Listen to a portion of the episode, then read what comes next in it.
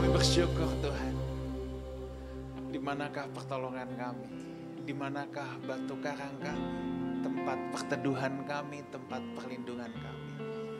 Selain Engkau sendiri ya Tuhan. Ajar kami Tuhan untuk selalu berharap sama Tuhan. Bukan dengan kuat kami, bukan dengan gagah kami. Tapi ajar kami Tuhan senantiasa menyadari kami ada sebagaimana kami ada. Itu semua karena anugerah Tuhan semata. Bapa dengan segala ucapan syukur kami datang kepadamu pada pagi hari ini. Tentunya kami datang dengan sikap hati yang merendahkan diri, menundukkan diri di hadapan Bapa.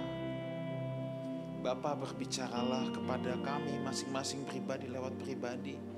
Biar kebenaran firman-Mu boleh berbuah lebat dalam hidup kami.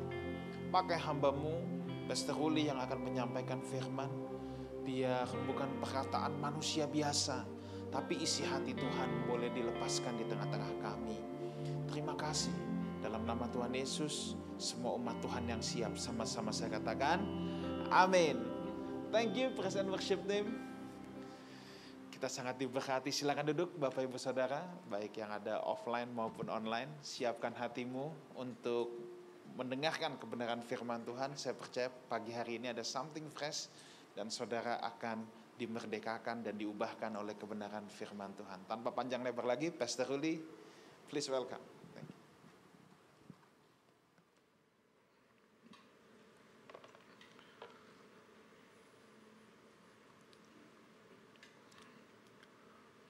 Kemarin dalam acara Witok ada satu Witok kita judulnya Salib Mengubahkanku. Ada ya kemarin ya. Nah di acara itu ada satu pertanyaan. Pertanyaan itu menggugah banget, nampol. Pertanyaannya bilang begini, kenapa ya kalau salib mengubahkan hidupku, faktanya banyak orang yang sudah diubahkan, kemudian jatuh bahkan lebih hancur. Benar kan? Banyak orang yang udah terima Yesus sebagai Tuhan, udah bisa nyanyi lagu pujian, bisa macam-macam, tapi kok kemudian hancur. Ini orang-orang yang udah ditebus loh. Kok bisa lebih parah kadang-kadang? Pertanyaan itu cukup menabok. Tapi memang perjalanan spiritual itu membingungkan, jujur. Ketika kita berusaha sungguh-sungguh mencari Tuhan, sering banget sebetulnya pencarian itu sangat membingungkan. Begitu membingungkannya sampai-sampai bahkan orang Israel kebingungan bulak-balik mereka jatuh bangun, jatuh bangun, hancur-hancuran. Mereka bingung karena pada saat itu mereka ada di Mesir. Terus Tuhan kasih perintah, kamu keluar dari Mesir. Aku akan membawa kamu ke tanah perjanjian yang berlimpah susu dan madu. Bukankah mereka nurut? Mereka menuruti perintah Tuhan itu sampai titik komanya.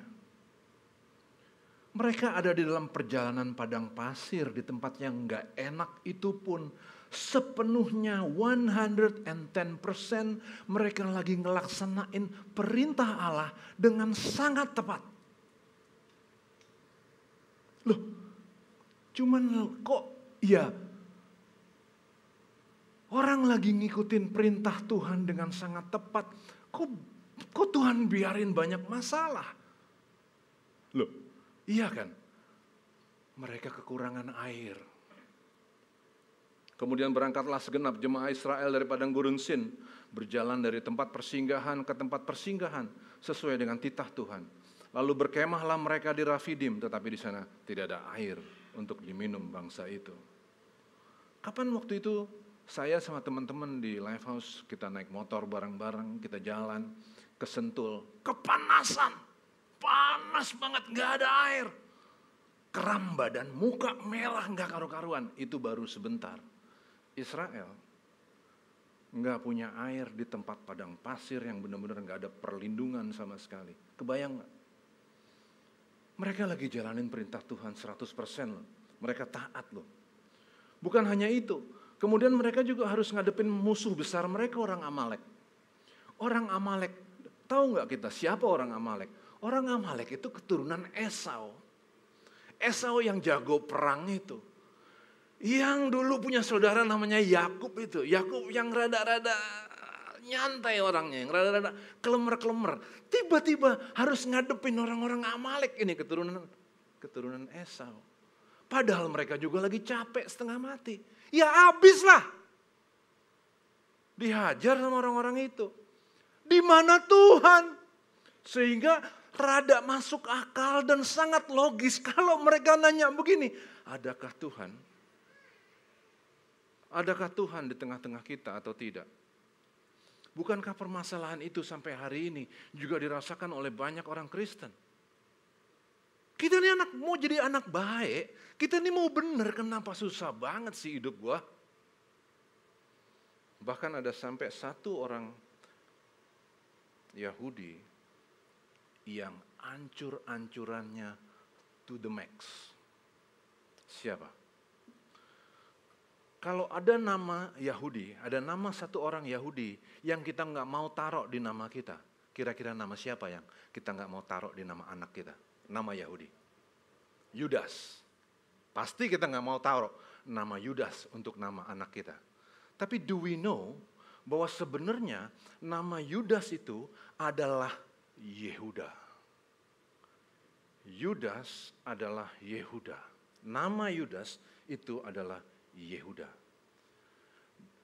Kata Yudas itu adalah Helenistik, cara Yunani untuk menyebut nama laki-laki Yehuda. Pakai kalau di dalam cara Helenistik, cara Yunani, pengakhiran A nggak bisa dipakai untuk maskulin, harus as. Jadi you, you Yehuda jadi Yudas. Seperti Yesus harusnya Yosua. Jadi karena itu nama Yehuda sebetulnya Yudas adalah Yehuda. Kata Yehuda sendiri sebetulnya asalnya dari kata yada. Dia mengucap syukur. Dia berterima kasih dengan mengangkat tangan. Itu nama Yehuda. Dia anak keempat dari Lea. Ya kan? Tapi orang ini hancur-hancuran banget. Hancur-hancuran banget sampai akhirnya dia berkhianat kepada Yesus. Habis itu kita tahu ceritanya, Yesus akhirnya disalib. Kenapa dia bikin itu? Karena dia kecewa. Of course dia materialistik, itu kita udah tahu semua. Tapi dia juga kecewa. Dia ini kan tiga setengah tahun ada jalan sama Yesus, susah seneng dia rasain bareng-bareng. Dia belajar dari guru agung yang paling keren di saat itu. Sampai akhirnya dia kebuka matanya dan dia sadar inilah Mesias itu yang selama ini ditunggu-tunggu. Ini dia. Dan semua nubuat mengenai Yesus sampai yang paling detail, paling detail terpenuhi di dalam diri Yesus. Termasuk bahwa suatu saat nanti dia akan naik keledai muda. Bayangin, segitu detailnya. Nah, nubuat tentang Yesus akan masuk ke Yerusalem dengan keledai muda ditulis dalam Zakaria 9 ayat yang ke-9. Bersorak-soraklah dengan nyaring hai putri Sion. Bersorak-sorailah hai putri Yerusalem. Lihat, rajamu datang kepadamu. Ia adil dan jaya. Ia lemah lembut dan mengendarai seekor keledai. Seekor keledai beban yang muda. Segitu detailnya. Jadi dia langsung berbunga-bunga dong orang ini. Yes, beneran loh Mesias itu datang. Ini dia Mesias itu. Yang bikin rusak di antara Israel di zaman padang pasir dan Yudas yang bikin rusak adalah karena cara berpikir mereka salah. Hari ini kita juga ngerasain yang sama. Kita kepingin jadi orang benar, pengen. Tapi kenapa kok berantakan ini? Yang terasa malah nggak enak. Mungkin karena cara pikir kita salah. Sama kita. Jangan-jangan antara kita sama orang Israel dan juga dengan Yudas. Apa persamaannya? Israel berharap bahwa Allah akan menjamin kenyamanan hidup di bumi ini. Dan lebih gawat lagi, menjamin kenyamanan hidup at his cost. Mereka hidup nyaman, yang bayar bilnya Tuhan. Cara pikirnya begitu. Itu cara pikir Yahudi banget. Dan memang bukankah banyak orang yang datang kepada Yesus? Mereka bukan datang untuk diajar. Mereka datang kepada Yesus karena mereka dapat roti dan kenyang kan? Dia pengen nyaman at his cost. Makanya Yesus berkata, aku berkata kepadamu sesungguhnya kamu mencari aku. Bukan karena kamu telah melihat tanda-tanda. Melainkan karena kamu telah makan roti itu dan kamu kenyang. Coba lihat, sampai hari ini enggak? Saya bersyukur bahwa warga Lifehouse nggak ada yang kayak begitu. Katakan amin. Nggak ada, di sini nggak ada. Tapi di mana-mana yang lain. Coba kita buka TV aja, kita lihat nih. Sekarang kan bukan TV sekarang, YouTube. Gue orang kuno banget ya, TV ya. YouTube kita lihat. Isi khotbah adalah bagaimana caranya menikmati hidup at his cost. Padahal Tuhan memilih Israel supaya Israel bisa jadi representasi Allah. Di sini kita bahasanya supaya kita, supaya Israel, termasuk kita semua, menjadi duta-duta besar Allah. Ya dong. Allah memilih kita supaya kita pantas menjadi duta besar Allah. Nggak malu-maluin gitu loh. Kalau Allah ngutus kita ke dalam dunia yang matre itu. Kita enggak. Enggak malu-maluin. Itu kan yang diharap sama Allah. Dia menginginkan supaya Israel ini menjadi bangsa yang kudus yang kepadanya Allah tidak mengalu untuk mengakui bahwa inilah anak-anaknya. Against backdropnya adalah bangsa lain yang sangat matre. Orang-orang pagan yang kerjanya nyari berkat Tuhan. Yang kalau perlu nari-nari, moga mola, moga mola ya ya luka-lukain badannya supaya bisa dapat apa yang mereka perlu. Gue perlu tomat, gue perlu babi yang banyak Tuhan, ya kan? Tolong kasih ya kan? Kan begitu kelakuannya. Nah Allah kepingin ada satu bangsa yang gak begitu dong. Bangsa yang kalaupun dikasih berkat yang melimpah, gak norak tau gak? Tapi bukannya sampai hari ini banyak orang, kalau ditanya, kalian kepengen masuk mana? Masuk surga. Ada amin, amin. Gitu kan. Kenapa pengen masuk surga? Karena di sana beautiful. It's so beautiful. What you mean? Itu berlian, tahu nggak? Dijadiin aspal. Batu rubi, batu segala macam dijadiin aspal. Otaknya tuh begitu. Kalau berlian dijadiin aspal, so what? Kalau berlian dijadiin aspal di DKI, nah kita berantem deh tuh. Tapi kalau di surga, so what? Kita ada di dalam rumah Sang Maha Agung, pemilik segala sesuatu. Tuh kita mau datang ke situ, oh wow, uh, uh, uh, wow. Murah banget. Senora itu.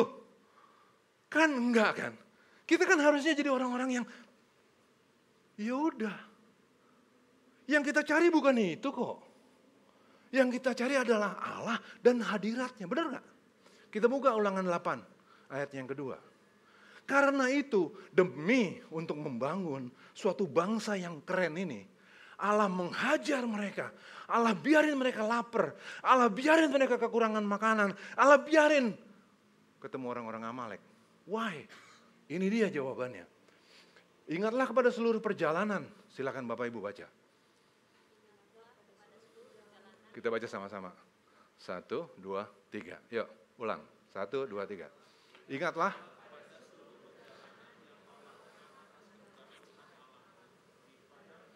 Selama 40 tahun ini, dengan maksud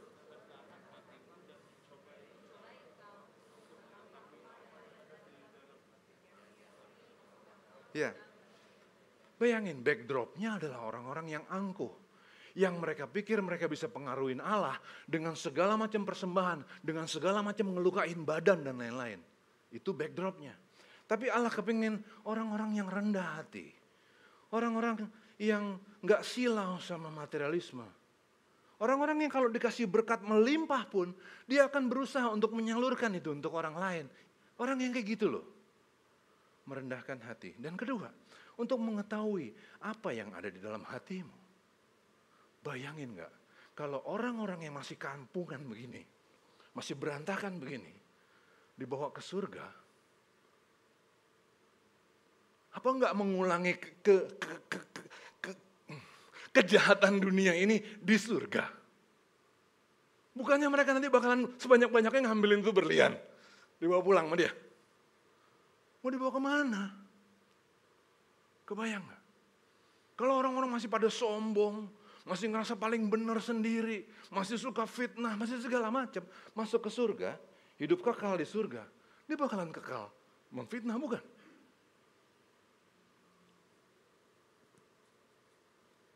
Saya sering takut di acara orang mati. Waktu saya tahu persis orang mati itu, kelakuannya kayak gimana. Tapi di dalam peti, pendeta selalu bilang, berbahagialah Bapak ini. Sekarang dia sudah ada di surga. Nanti kita akan bersama-sama dengan dia. Gue bilang enggak, bukan gue. Gue gue nggak mau. Gue santai gue ya kan. Kalau ke surga kita ketemu dia enggak deh. Ya di, di, di sini aja kita udah budak lihat dia. Nah di surga ada dia. Nah kalau kita aja nggak mau masuk ke surga, ketemu orang yang itu, kebayang nggak Tuhan yang maha kudus, Allah segala kekudusan itu harus nerima orang-orang kayak begini. Capek kan? Itu persamaan yang pertama. Persamaan yang kedua antara Israel dan Yudas adalah karena mereka seperti kita hari ini punya bayangan sendiri tentang bagaimana seharusnya Allah. Bagi bagi Israel seharusnya Allah segera bawa mereka keluar dari padang pasir. Bukankah Allah penuh dengan hikmat? Bukankah Allah melihat kita dari surganya yang tinggi? Bukankah Allah tahu penderitaan kita? Kenapa Allah biarin kami di sini? Seharusnya segera keluar dong Tuhan. Bagi Yudas, seharusnya Allah jadi raja di bumi, bawa Israel keluar dari penjajahan Roma.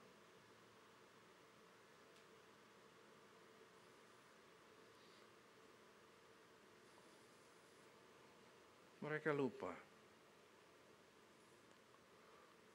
bahwa Allah penjunan Israel tanah liat.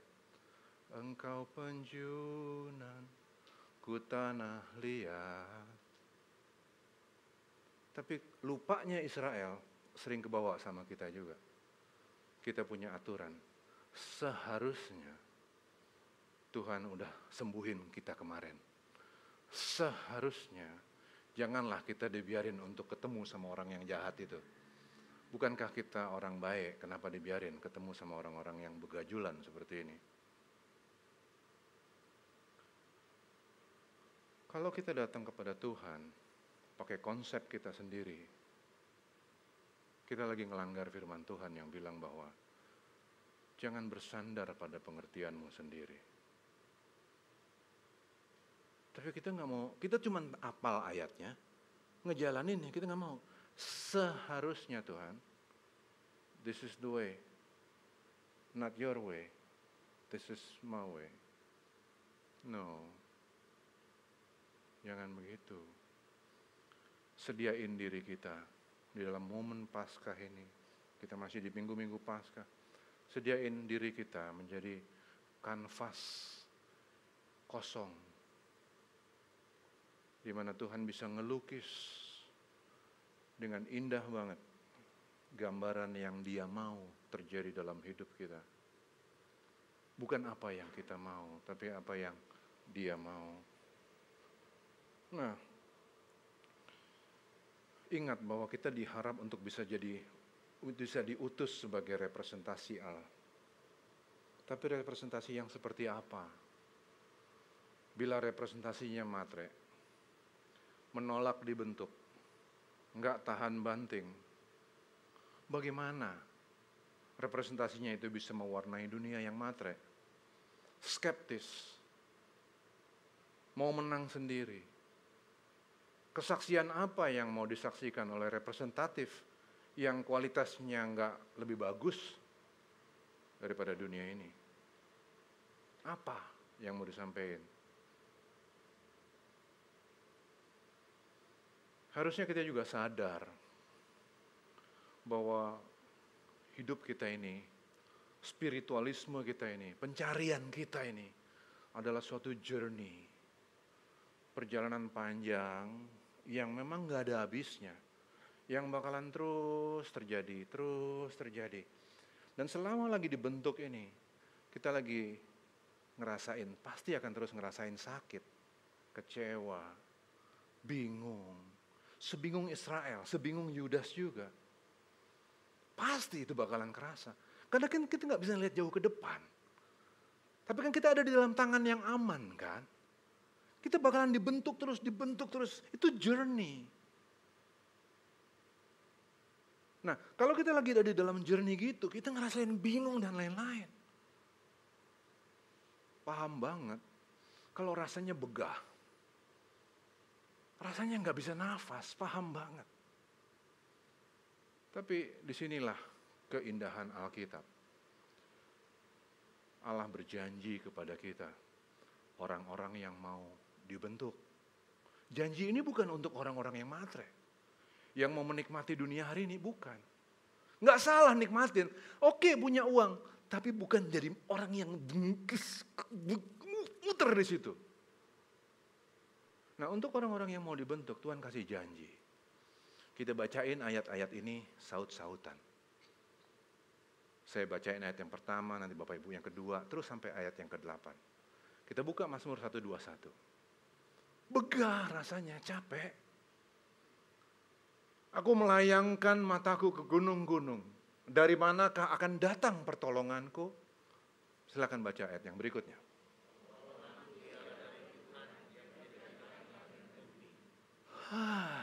tarik nafas dong kita ya kan. Bareng-bareng kita tarik nafas. Begah memang rasanya. Tapi kalau pertolongan kita datangnya dari Tuhan, udah dong. Saya baca ayat yang ketiga. Ia takkan membiarkan kakimu goyah. Penjagamu tidak akan terlelap. Ayat yang keempat.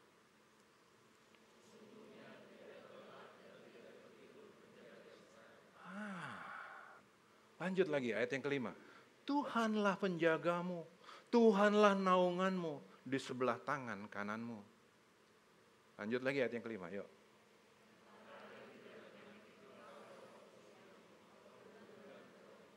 Nice. Ayat yang ketujuh. Tuhan akan menjaga engkau terhadap segala kecelakaan. Ia akan menjaga nyawamu. Ayat yang ke kita baca sama-sama. Satu, dua, tiga. Tuhan akan menjaga keluar masukmu dari sekarang sampai selama-lamanya. Ya, di dalam tarikan-tarikan nafas kita yang rasanya berat banget itu. Dia bilang, akulah penjagamu. Aku tidak pernah terlelap, aku tidak pernah tertidur. Mataku selalu ada padamu. Each and every one of you. Namamu terukir ha, indah banget di dalam hati Tuhan. Setiap kita berharga di matanya. Kan keren banget itu. Dari manakah datangnya pertolonganku?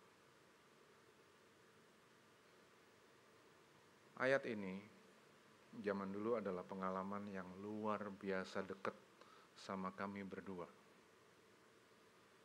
Waktu itu kami ada di dalam pencarian spiritual. Istri saya waktu itu bukanlah orang beriman. Tapi ketika kita mulai date, mulai pergi keluar, mesti mulai jalan bareng dan lain-lain. Dia selalu kasih pertanyaan-pertanyaan yang nyeleneh ke saya pertanyaan-pertanyaan tentang kekristenan yang saya nggak tahu jawabannya karena saya juga orang jahil. Tapi lewat pertanyaan-pertanyaan itu, kita makin belajar dan makin belajar. Kita sayang banget sama firman Tuhan yang ini. Dari manakah datangnya pertolonganku? Tapi begitu kita belajar, begitu kita makin dalam, makin dalam dan makin dalam di dalam Tuhan, banyak banget problemnya. Asli, banyaknya luar biasa keluarganya istri saya kirimin ahli-ahli kitab dari agama mereka yang asalnya dari satu perguruan tinggi yang paling keren di Bandung. Orang-orang yang terkenal banget sama pengetahuannya tentang agama itu datang ke rumah.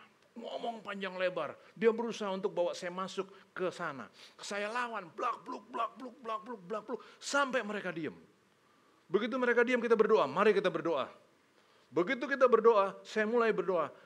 Bapak di dalam surga, cedek mati lampu loh.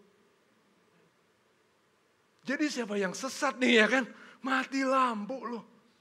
Sampai akhir ngomong itu nggak ambil amin, nggak nyala lagi listriknya. Makin ke sini makin banyak problem, makin banyak problem. Abang lahir, abang lahir dimusuhin, nggak diterima sama keluarga. Anak saya yang kedua lahir, barulah keluarga mulai terima. Anak ketiga saya lahir. Ya ampun. Dia ada dua virus yang ngehajar. Ada sitomegalo, ada parvo. Satu virus saja bawaannya udah pasti mati. Ini dua. Dokter bilang, Pak, mumpung umur kandungan masih dini, ayo Pak, kita gugurin aja Pak. Nggak ada yang tahu. Tapi dari manakah datangnya pertolonganku? Kalau kita udah tahu itu, tuh kita mau jalan shortcut. Tapi shortcut itu menarik banget. Kenapa? Kalau ketahuan bahwa istri saya ngalamin semua itu, kan bisa dibilang, nah loh, rasain loh, ya kan? Pindah sih loh. Tapi dari manakah datangnya pertolonganku? Itu yang kasih kami kekuatan. Tapi kadang-kadang otak kita juga masih bandel. Masa iya sih? Segitu gampangnya Mazmur itu bisa diterapin dalam hidup kita? Buktinya ternyata banyak juga orang Kristen yang kecelakaan mati nggak dijagain Tuhan. Gimana dong? Bagaimana caranya Tuhan katanya janji seperti tadi, tapi kita dibiarin dalam gelap. Makin bingung, makin gak jelas. Abang enak, ada jalan keluar. Sekarang anak-anak happy, keluarga juga terima. Ada jalan keluar enak. Belum tentu ada orang yang dapat jalan keluar, belum tentu semua orang. Kan begitu. Nah memang sering kali Tuhan nggak biarin kita keluar dari gelap itu. Sering banget. Diprolong. Gelapnya diprolong terus. Sering banget Tuhan biarin itu terjadi. Why? Kita buka Yohanes 20 ayat yang pertama. Bapak Ibu yang baca Yohanes 20 ayat yang pertama. Ada yang menarik di situ. Yohanes 20 ayat yang pertama. Silakan baca. Satu, dua, dan tiga. Stop, stop, stop. Ulangin. Ketika hari masih, ketika hari masih gelap. Lanjut, lanjut dulu.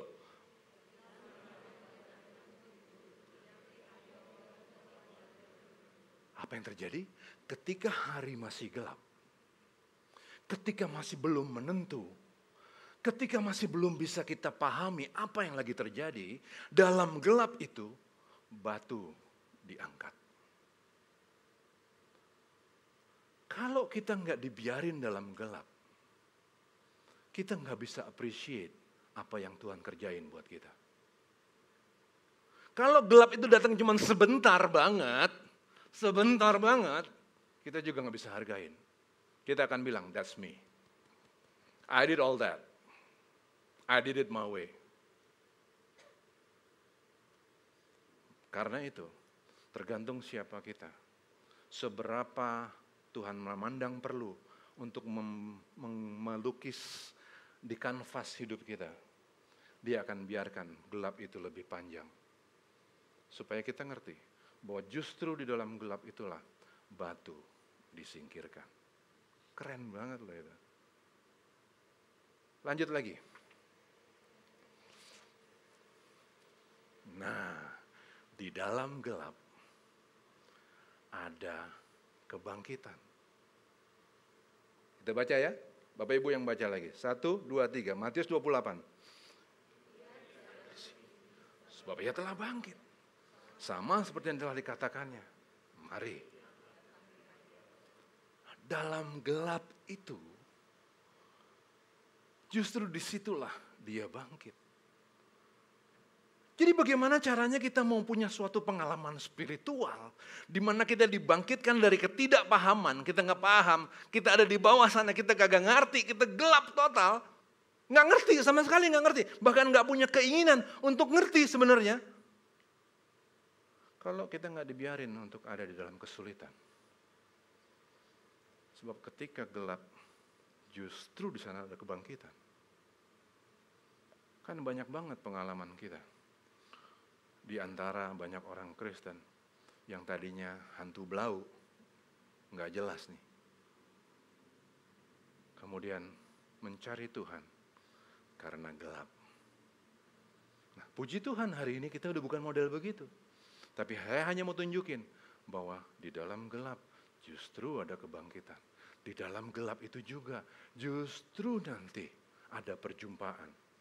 Dan ada satu lagi yang keren Yohanes 20 ayatnya yang ke-19.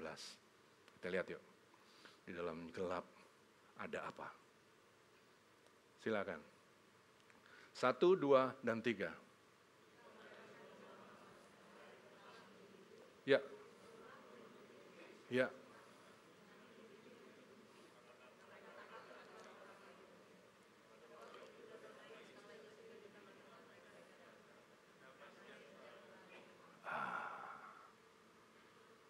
Ketika gelap itu datang, yuk singer maju ke depan.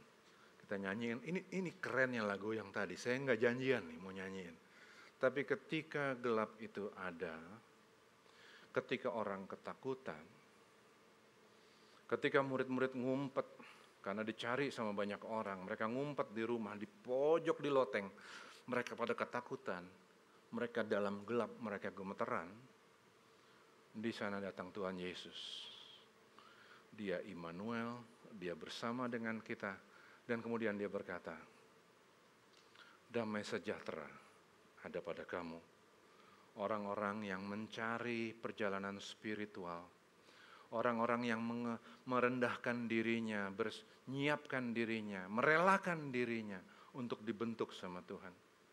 Orang-orang yang mau jadi kanvas yang polos, yang putih, yang keren, di mana Tuhan bisa melukis kita. Untuk orang-orang yang nggak dipenuhin pikirannya sama kebutuhan-kebutuhan materialis terus. Tuhan bilang, damai sejahtera ada pada kita semua. Ada pada Bapak Ibu. He is here with you. Gelap itu keren banget.